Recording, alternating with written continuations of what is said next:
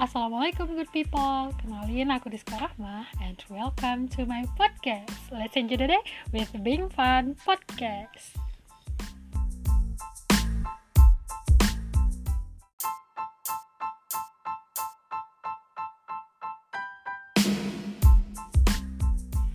Kali ini aku bakal cerita sharing-sharing ke kalian mengenai everything about COVID-19.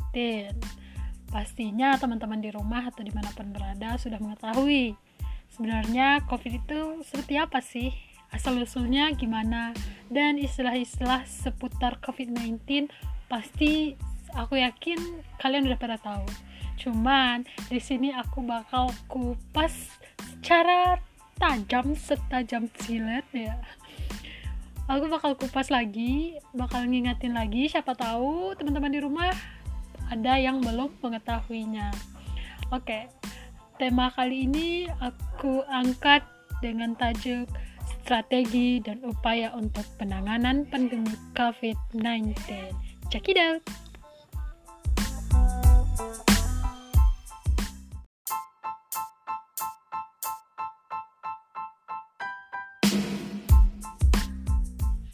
Well, berdasarkan sebuah buku yang aku peroleh secara online di internet dengan judul Pedoman Umum Menghadapi Pandemi COVID-19 yang diterbitkan oleh Kementerian Dalam Negeri Republik Indonesia di mana buku ini merupakan translatean dari bahasa Mandarin. Jadi artinya buku ini adalah panduan umum, pedoman umum yang dikeluarkan di China. Mari kita lihat. Jadi dilaporkan pada 31 Desember 2019 oleh WHO China Country Office bahwa ditemukan kasus pneumonia yang tidak diketahui etiologinya di Wuhan, Provinsi Hubei, China, guys. Selanjutnya, setelah 31 Desember ini, di tanggal 7 Januari 2020-nya, China mengumumkan bahwa kasus pneumonia itu diakibatkan oleh coronavirus atau novel coronavirus. Sehingga pada awal 2020, masalah ini mulai menjadi pandemi global di luar RRC setelah pengumuman itu guys. Terus 30 Januari 2020-nya WHO menetapkan COVID-19 sebagai Public Health Emergency of International Concern atau biasa disingkat PHEIC. Dan pada 12 Februarinya, WHO resmi menyebut penyakit ini dengan nama COVID-19. Jadi COVID-19 ini adalah nama penyakitnya ya jadi kalian jangan sampai salah kaprah gitu. Ada yang bilang covid itu virus gitu. Jadi sebenarnya covid-19 itu berasal dari ko ko itu corona corona itu adalah virusnya. Fit itu adalah vi virus corona virus disease. Jadi maksudnya corona itu virusnya dan covid itu adalah penyakitnya. Sedangkan 19 itu adalah tahun ditemukannya coronavirus atau novel coronavirus. Sebenarnya dari yang aku baca juga di sini, sebenarnya buku ini lengkap banget ya. Cuman aku nggak bisa bacain semuanya, nggak bisa ngerangkum semuanya karena tebal banget guys dan butuh waktu berjam-jam untuk membacanya.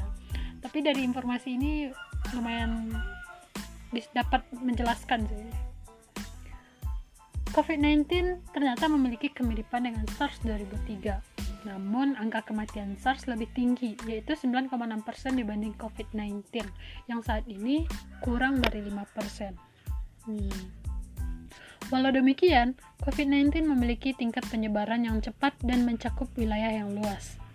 Berdasarkan data yang aku baca juga dari halaman website resmi covid19.go.id, untuk Indonesia sendiri tercatat per 18 Mei 2020 angka positif COVID-19 sebanyak 18.010 orang guys. Sembuh sebanyak 4.324 orang serta yang meninggal sebanyak 1.191 jiwa. Wow. Ini adalah angka yang sangat besar sekali ya kalau menurut aku. Mungkin teman-teman juga menyadari antara pasien yang sembuh dengan pasien yang meninggal pas di awal-awal itu perbandingannya sangat tipis. Bisa dikatakan 50-50 jadi sejajar. Cuman sekarang perbandingannya bisa kita lihat pasien yang sembuh itu lebih banyak. Empat kali lipat dari pasien yang meninggal. Bisa kita ucapkan alhamdulillah semoga angka yang sembuh lebih banyak lagi daripada yang meninggal. Karena kita tidak mau ya banyak warga negara Indonesia yang kehilangan saudara-saudaranya kita tidak mau lagi. Terus teman-teman masih ingat? Seorang ahli populasi Amerika Serikat yang bernama Drew Harris yang memaparkan mendeskripsikan sebuah teori kurva yang di disampaikannya melalui uh, sosial media yang waktu itu sempat viral di Indonesia bahwa dari pemaparannya itu dia menyebutkan bahwa COVID-19 ini jika tidak ditanggapi dengan tindakan protektif akan membentuk kurva yang menjulang. Jika tidak di COVID-19 ini tidak ditanggapi dengan tindakan protektif akan membentuk kurva yang menjulang tinggi melebihi batas kapasitas sistem kesehatan. Meskipun pada akhirnya kurva pandemi ini akan menurun pada waktu yang tidak ditentukan. Artinya apa guys jadi misal nih misal Indonesia memiliki 100 rumah sakit penanganan pasien positif COVID-19 dengan kapasitas maksimal 3000 pasien anggaplah yang lengkap dengan alat bantu kesehatan lainnya. Sehingga ketika jumlah pasien naik dan alat bantu kesehatan tidak memadai atau jumlah pasien tetap tapi alat bantu kesehatan tidak memadai, maka inilah yang akan menyebabkan banyaknya jumlah kematian akibat COVID-19. Karena kapasitas untuk menampung pasien-pasien tersebut tidak bisa lagi gitu atau penuh full membludak. Jadi akhirnya pasien-pasien tersebut terpaksa untuk mengisolasi diri secara mandiri di rumah masing-masing. Maka itulah yang menyebabkan angka kematian bisa bertambah banyak. Kalau menurut aku sih ini logik banget terus maka dari penjabaran ini sudah seharusnya kita berusaha mencari solusi bagaimana kurva ini bisa landai sehingga tiap yang terjangkit bisa mendapatkan akses kesehatan yang memadai yaitu dengan cara protektif dari protektif diri sendiri dari sekarang guys. Jadi kita bisa membuat kurva ini menjadi landai dengan cara menjaga kesehatan kita terutama Melihatnya ting tingginya angka penyebaran positif corona di Indonesia, sudah sepatutnya kita sebagai warga negara ini sama-sama membantu pemerintah dalam menghadapi pandemi ini, guys. Beberapa pelakuan yang bisa dilakukan untuk mereka yang diduga terjangkit adalah dengan melakukan terapi umum, yaitu proses pengobatan diri kembali normal seperti minta obat, konsultasi, dan menjaga pola hidup sehat. Selanjutnya, memilih lokasi yang sesuai dengan tingkat keparahan penyakit. Dengan demikian, risiko penularan menjadi lebih kecil. Dan terakhir, melakukan pengobatan secara tradisional.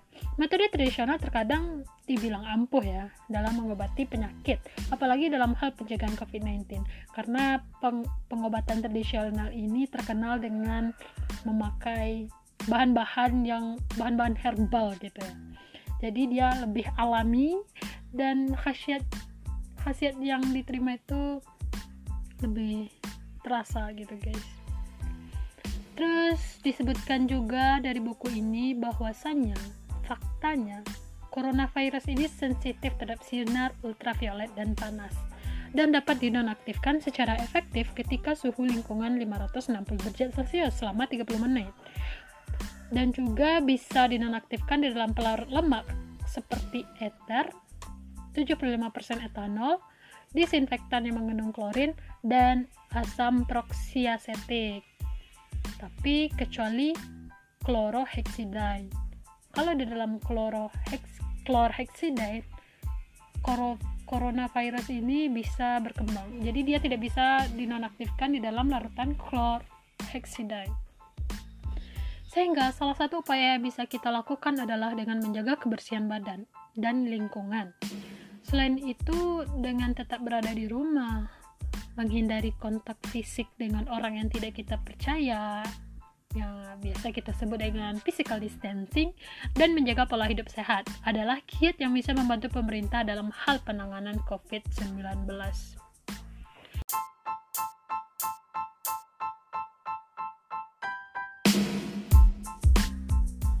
Melihat semakin meningkatnya angka kematian dan angka positif COVID-19 di Indonesia, akhir-akhir ini Indonesia dihebohkan dengan istilah herd immunity, yaitu salah satu cara yang diduga bisa menekan penyebaran COVID-19. Pertanyaannya, apakah herd immunity ini adalah sesuatu yang menguntungkan atau sesuatu yang positif dalam tanda kutip bagi Indonesia, atau malah menjadi sesuatu yang membahayakan nyawa rakyat Indonesia? Mari kita lihat, aku sudah mendapatkan informasi dari halaman website resmi dari www.ala.com bahwasanya herd immunity itu atau yang dikenal dengan sistem kekebalan adalah kondisi ketika sebagian besar orang dalam satu kelompok telah memiliki kekebalan terhadap penyakit infeksi tertentu. Nah, semakin banyak orang yang kebal terhadap suatu penyakit, semakin sulit bagi penyakit tersebut untuk menyebar karena tidak banyak orang yang dapat terinfeksi. Cara yang dapat ditempuh untuk mendapatkan kekebalan pada banyak orang sekaligus adalah vaksin vaksinasi.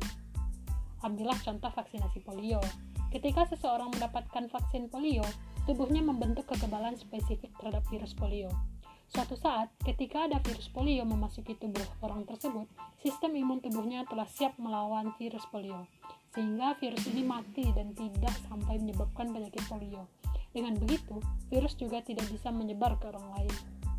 Bayangkan, bila dalam waktu yang bersamaan, hampir semua orang dalam suatu kelompok yang sama dengan orang tadi juga memiliki kekebalan terhadap virus polio. Tentunya, kesempatan virus polio untuk menyebabkan penyakit dan menular menjadi sangat kecil. Secara otomatis, kondisi ini juga dapat memberikan perlindungan kepada orang yang belum mendapatkan vaksin polio di kelompok tersebut, seperti bayi baru lahir dari ibu hamil, atau orang dengan sistem kekebalan tubuh yang lemah, seperti penderita AIDS dan orang yang sedang menjalani kemoterapi. Selain dengan vaksin, kekebalan tubuh juga bisa didapatkan secara alami guys, yaitu oleh orang-orang yang berhasil sembuh dari penyakit infeksi tersebut. Nah ini, setelah pulih dari suatu penyakit infeksi, tubuh akan memiliki antibodi untuk melawan kuman penyakit infeksi tersebut bila suatu saat kuman ini menyerang kembali. Jadi, semakin banyak orang yang terinfeksi dan sembuh, semakin banyak juga orang yang kebal dan herd immunity pun akan terbentuk. Namun, terbentuknya herd immunity secara alami ini membutuhkan waktu yang cukup lama dan risikonya juga tidak kecil. Tuh guys, penjelasan tadi halaman yang dilansir di halaman aladokter.com. Lalu dilanjutkan, bisakah herd immunity menekan penyebaran COVID-19 di Indonesia? Hingga saat ini belum ada vaksin untuk virus corona. Para peneliti pun masih berusaha untuk mengembangkan vaksin tersebut. Jadi, pembentukan herd immunity melalui vaksinasi belum bisa dilakukan. Sedangkan pembentukan herd immunity secara alami dengan membiarkan banyak orang terinfeksi virus corona di Indonesia juga bukanlah cara yang bijak. Bagi satu negara dengan lebih dari 300 juta jiwa seperti Indonesia, dibutuhkan waktu yang sangat lama untuk mencapai herd immunity. Bukan hanya itu, karena COVID-19 dapat berakibat fatal, jumlah korban jiwa akibat infeksi ini akan sangat tinggi. Bahkan sebelum herd immunity tercapai, belum lagi tidak sedikit jumlah orang Indonesia yang rentan terhadap infeksi virus corona. Misalnya lansia atau orang dengan penyakit penyerta seperti penyakit paru atau diabetes. Hal-hal itulah yang menyebabkan konsep herd immunity tidak bisa diterapkan untuk menyudahi pandemi COVID-19 sebelum ditemukannya vaksin untuk virus corona. Jadi kalau menurut gua benar ini logik banget karena melihat jumlah penduduk Indonesia yang tidak sedikit dibandingkan dengan negara apa um, gue lupa itu negara yang sudah menerapkan uh, yang sudah berhasil dalam teori herd immunity ini ada tiga negara kalau nggak salah itu ada Singapura oh no Inggris. Terus apa ya aku, aku lupa aku baca di Twitter waktu itu. Nanti kalau aku ketemu lagi aku bacakan aku sampaikan ya.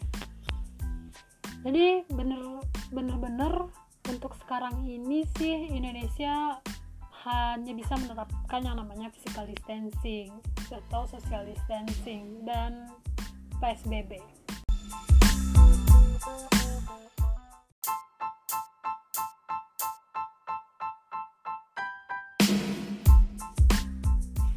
Dan beberapa aparat negara pun seperti Wakil Presiden Bapak JK juga menyampaikan bahwasanya pendapat mereka mengenai herd immunity ini adalah sesuatu yang berisiko tinggi untuk rakyat Indonesia karena mereka bisa memakan nyawa yang kita tidak tahu jumlahnya bakal seperti apa. Jadi mungkin keputusan yang paling bijak sekarang itu adalah benar-benar menjaga kesehatan. Itu yang paling paling logis paling ini sih menurut aku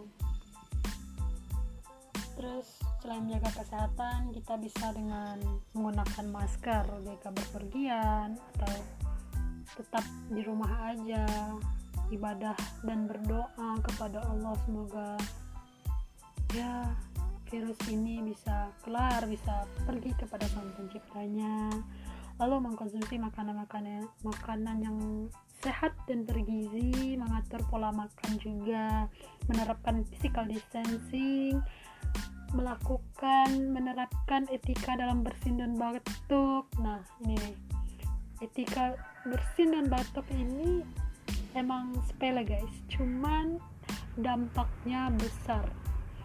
Karena kita nggak tahu kalau ber aku pernah mendapatkan pengetahuan dari guru bahwasanya kecepatan dari bersin itu sangat jauh ternyata bisa mencapai berapa meter dalam hitungan sekon guys. Jadi terus kita juga bisa menerapkan yang namanya sering mencuci tangan memakai sanitizer. Tapi aku menyarankan memakai sabun karena beberapa kebanyakan dokter tenaga medis tenaga kesehatan pun mengatakan bahwasanya oh, mencuci tangan menggunakan sabun itu lebih efektif daripada menggunakan hand sanitizer. Terus jangan pernah maksudnya mengurangi menghindari menyentuh area wajah.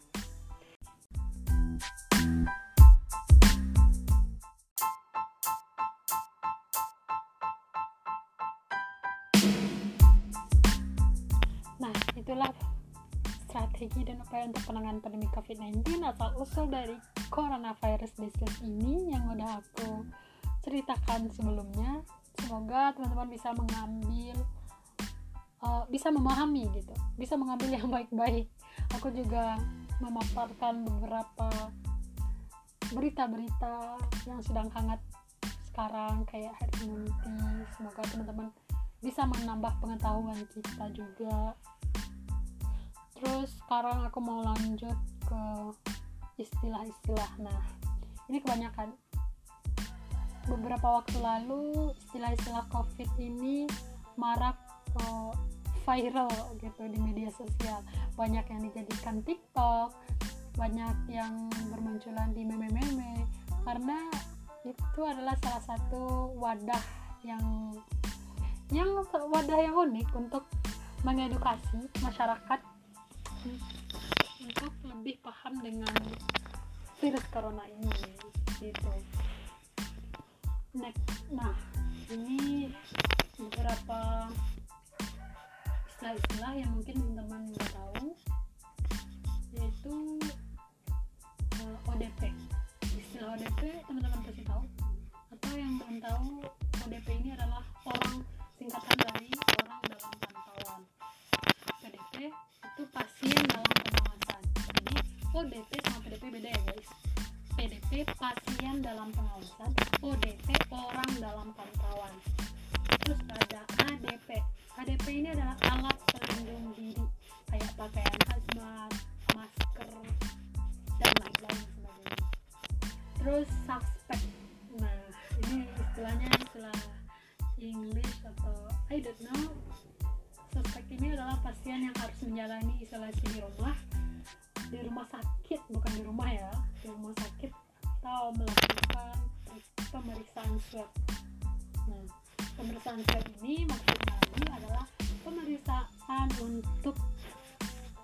coronavirus disease.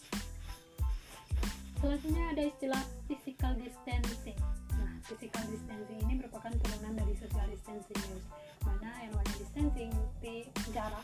Jadi kita menjaga jarak kalau sosial menjaga jarak sosial kita antara uh, perkelompok orang seperti itu.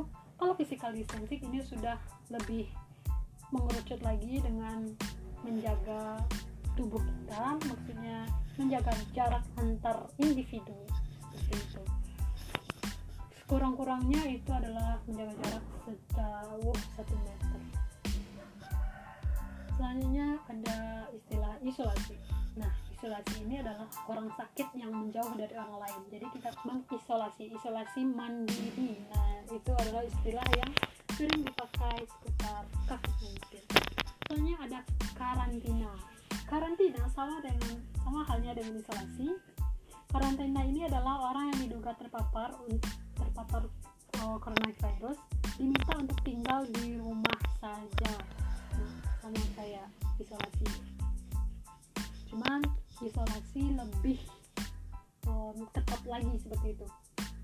Tingkatnya itu isolasi lebih apa ya lebih ketat seperti itu apa sih bahasanya terus lockdown lockdown ini adalah karantina wilayah jadi kalau kita urutkan guys jadi ada lockdown, karantina, sama isolasi paling bawah. Jadi isolasi ini adalah tingkatan yang lebih uh, pentingnya dan lockdown ini lebih luas seperti itu. Terus ada istilah rapid test. Nah, teman-teman kebanyakan um, sama orang tua ini banyak yang nggak tahu istilah-istilah seperti ini. Rapid, rapid test itu adalah tes cepat. Nah tes cepat untuk coronavirus disease terus ada juga dengan ada juga istilah drive thru nah drive thru ini adalah uh, tes COVID-19 juga dengan pengambilan sampel darah seperti itu atau pemeriksaan suhu melalui tetap di dalam mobil saja. Jadi uniknya ini Indonesia mencontoh um, dari yang dari negara luar itu beberapa dari negara luar dari Asia itu banyak yang menerapkan gitu. Terus untuk um, apa namanya pandemi. Nah pandemi ini aku lupa tentang uh, pandemi ini tuh nah level. Nah level. Untuk level penyebaran sendiri COVID-19 di Indonesia ini sudah memasuki tingkat pandemi di mana level ini itu paling bawah ada wabah. Wabah ini level paling bawah di atasnya epidemi di atasnya lagi pandemi dan di atasnya lagi itulah endemi. Jadi endemi ini paling super duper tingkat dewa tingkat dewa 19 seperti itu guys. Nah Indonesia sudah memasuki tingkat pandemi di mana pandemi ini penyebarannya sangat cepat dan luas. Makanya dibilang pandemi. Well semoga aja gue mau gue mau nyampein apa ya. Pencegahan udah istilah udah. Sebenarnya aku cuman mau nyampein kepada teman-teman semoga wabah ini pandemi ini bisa berkurang. Virus corona bisa kembali ke kampung halamannya tidak mengganggu lagi karena tinggal beberapa hari lagi itu adalah lebaran di mana kita kembali ke fitrah insya Allah. Semoga teman-teman tetap bisa beraktivitas di rumah masing-masing meskipun uh, harus dibatasi seperti itu. Semoga silaturahimnya dengan uh, tetangga dengan karib kerabat tetap berjalan meskipun di rumah aja toh kita bisa memakai yang namanya media sosial. Kita pakailah teknologi video call kan bisa gitu. Ya walaupun sensasinya agak berbeda dari tahun-tahun sebelumnya tapi ya itulah kita harus tetap mensyukuri apa pun yang diberikan oleh Allah kepada kita. Karena bagi teman-teman atau di daerahnya yang belum di dimasukin dimasuki oleh virus corona ini nampaknya harus benar-benar kita benar-benar bersyukur banget gitu. Karena uh, teman-teman di da daerah yang udah red zone kita tahu yang PHK nasibnya gimana kelaparan seperti itu. Sekarang aku juga mengapresiasi sangat salut banget. Ya mungkin kalau untuk dari segi materi gue nggak bisa bantu. Tapi kita sama mendoakan semoga teman-teman kita di mana pun berada yang sedang berjuang terutama tenaga medis untuk pasien-pasien virus corona bisa melewati ini semua bersama dan kita bisa pasti kalian kangen. Pasti kalian sangat merindukan masa-masa di mana kalian uh, mau pergi ke mana habis ini pasti banyak yang uh, sudah mau bikin list keinginan mau mengunjungi apa mau ke tempat siapa mau melakukan apa seperti itu. Nah silahkan diri saja dulu. Kita berharap ya sebulan dua bulan ini semoga virus corona bisa memudar di tanah pertiwi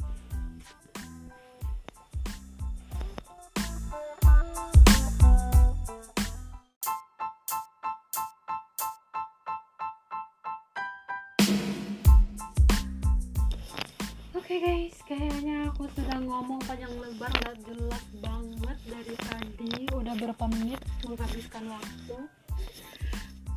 Well, nanti kapan-kapan kita lanjutin lagi ya Tetap stay tune Jangan pernah bosan dengerin podcast aku Karena aku sangat jarang sekali bikin podcast Karena apa ya, mager. Ya begitulah. Yang namanya mahasiswa main tugasnya banyak oke. Okay. apa ya? Penutupannya gimana ya? Well thank you very much for listen my podcast I'm so sorry because well, because of all of it, everything semoga berkah ilmunya kita bisa uh, beraktivitas Selamat beraktivitas kembali. See you.